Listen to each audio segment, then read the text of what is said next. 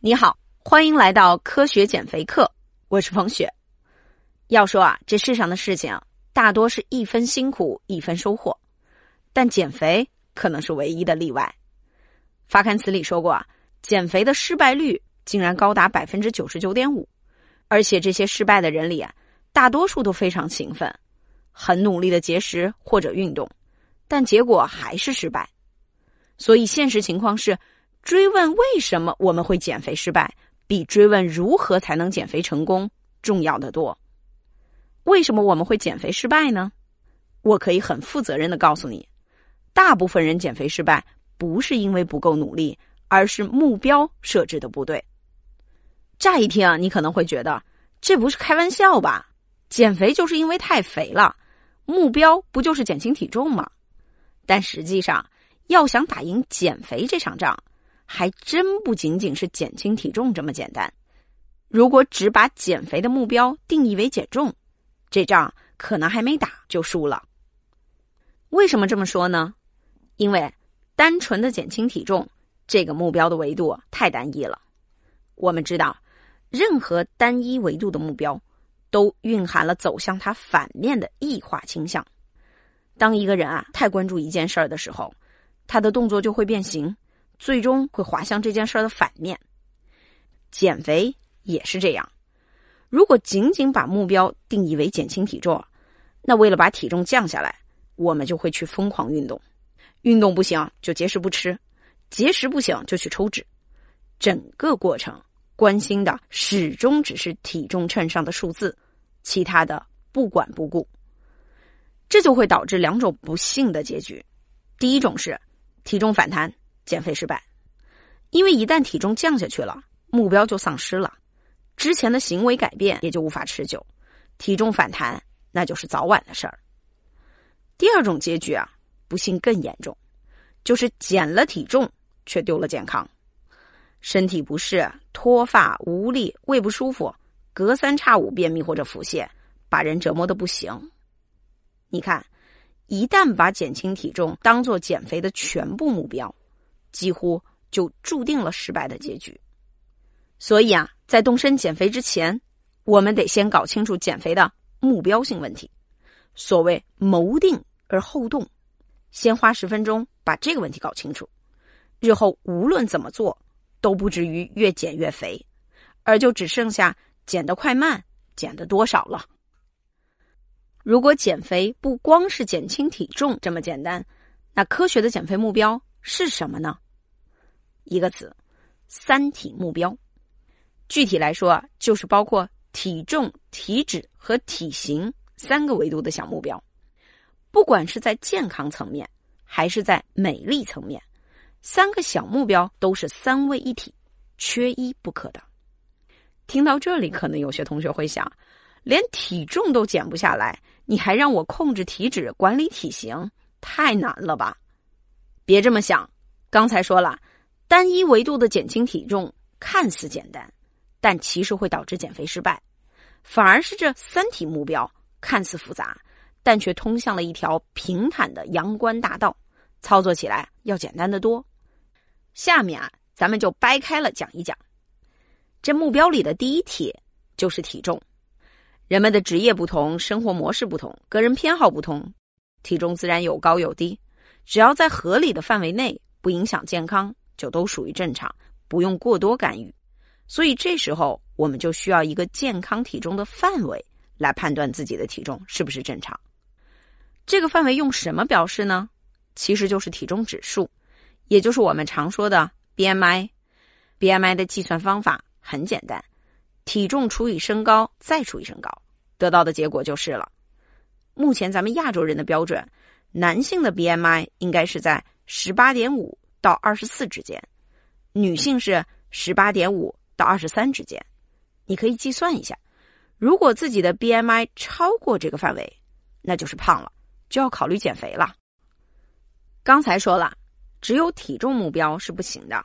有些人虽然体重正常，但身体里有很多是脂肪，既不好看也不健康。所以啊，除了总量之外，我们还得看结构，也就是看看身体里脂肪的比例。医学上叫做体脂率，体脂率就是咱们三体目标的第二个体。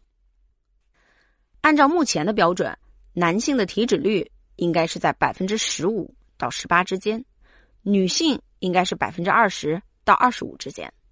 当然，随着年龄的增大，可以适当放宽，只要在这个区间就都属于正常。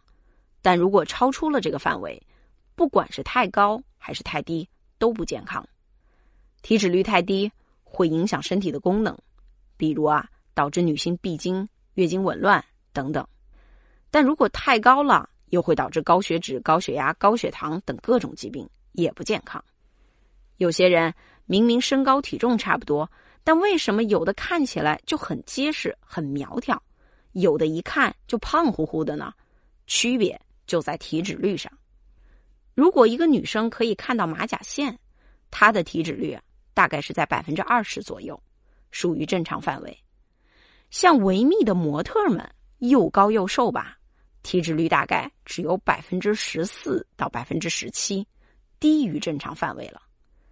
而如果一个人肚子上的肉很松弛，完全看不出腹肌，那体脂率肯定是太高了，大概得有百分之二十八到百分之三十了。现在正常的体脂率是什么样？你应该有概念了吧？可以对号入座，估算一下自己的体脂率。当然，用正规的体脂率检测仪器会测得更准。控制了体重，降低了体脂就够了吗？还不够。这三体目标的第三个体是体型。医学上衡量体型是否健康，指标有两个，分别是腰围和腰臀比。腰围好理解，腰臀比是什么呢？就是腰围和臀围的比值。其实你想想，老百姓对于体型啊，比喻很多的，什么梨形身材、苹果型身材、将军肚、啤酒肚等等，看的就是腰围和腰臀比这俩指标。正常来说，中国男性的腰围应该小于八十五公分，腰臀比小于零点九；女性腰围应该小于八十公分。腰臀比小于零点八，这么说好像不太直观，咱们还是举个例子吧。美国著名的女演员玛丽莲梦露，你总知道吧？身材非常火辣，对不对？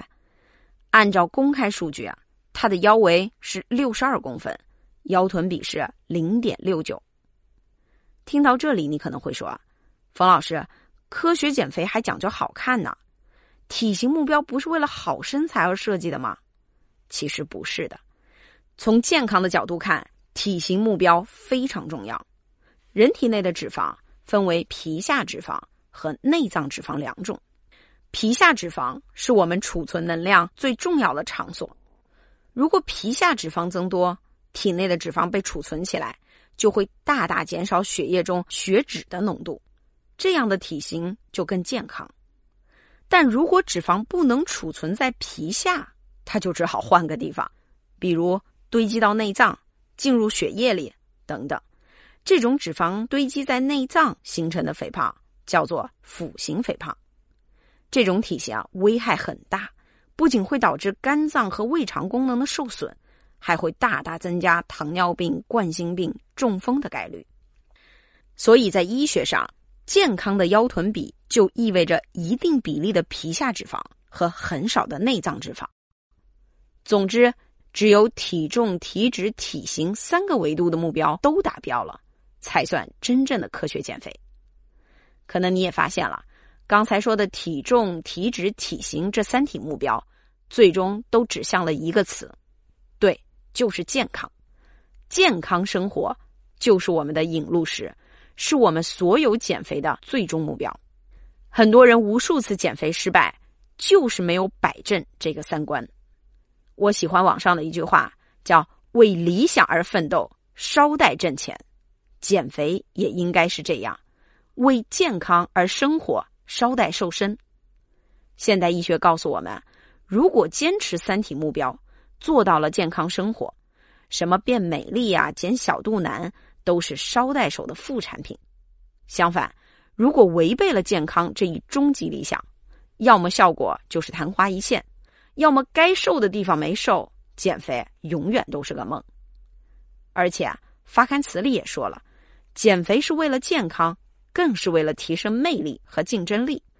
有社会研究发现，如果秉承健康生活的理念，我们不仅会收获减肥成功和健康，也更能取得家庭幸福和事业成功。《礼记大学》里就明确告诉我们：“一成而后兴正，兴正而后身修，身修而后家齐，家齐而后国治。”国治而后天下平，想想还真是，在为健康而生活、稍带瘦身的观念引导下，我们自然要控制欲望、积极行动、规律生活，而这些品性也正是大事业上成功的关键。好了，再带你复习一下减肥的三体目标：第一，体重，亚洲人男性的 BMI 应该是在十八点五到二十四之间。女性是在十八点五到二十三之间。第二，体脂，男性体脂率啊应该是在百分之十五到十八之间，女性是在百分之二十到二十五之间。当然，随着年龄的增大，可以适当放宽。第三，体型，中国男性的腰围应该小于八十五公分，而腰臀比应该小于零点九。女性的腰围呢，应该小于八十公分。腰臀比要小于零点八，上面这三个目标只要有一个不达标，都建议你开启减肥计划。学完这一讲，给你布置个小任务，计算一下你自己的 BMI、体脂率、腰围和腰臀比，看看自己啊有哪些是不达标的。说完了减肥的三体目标，下一讲我们来说说科学减肥的第一性原理，看看。越吃越瘦这种事儿是不是真的存在？我们下一讲见。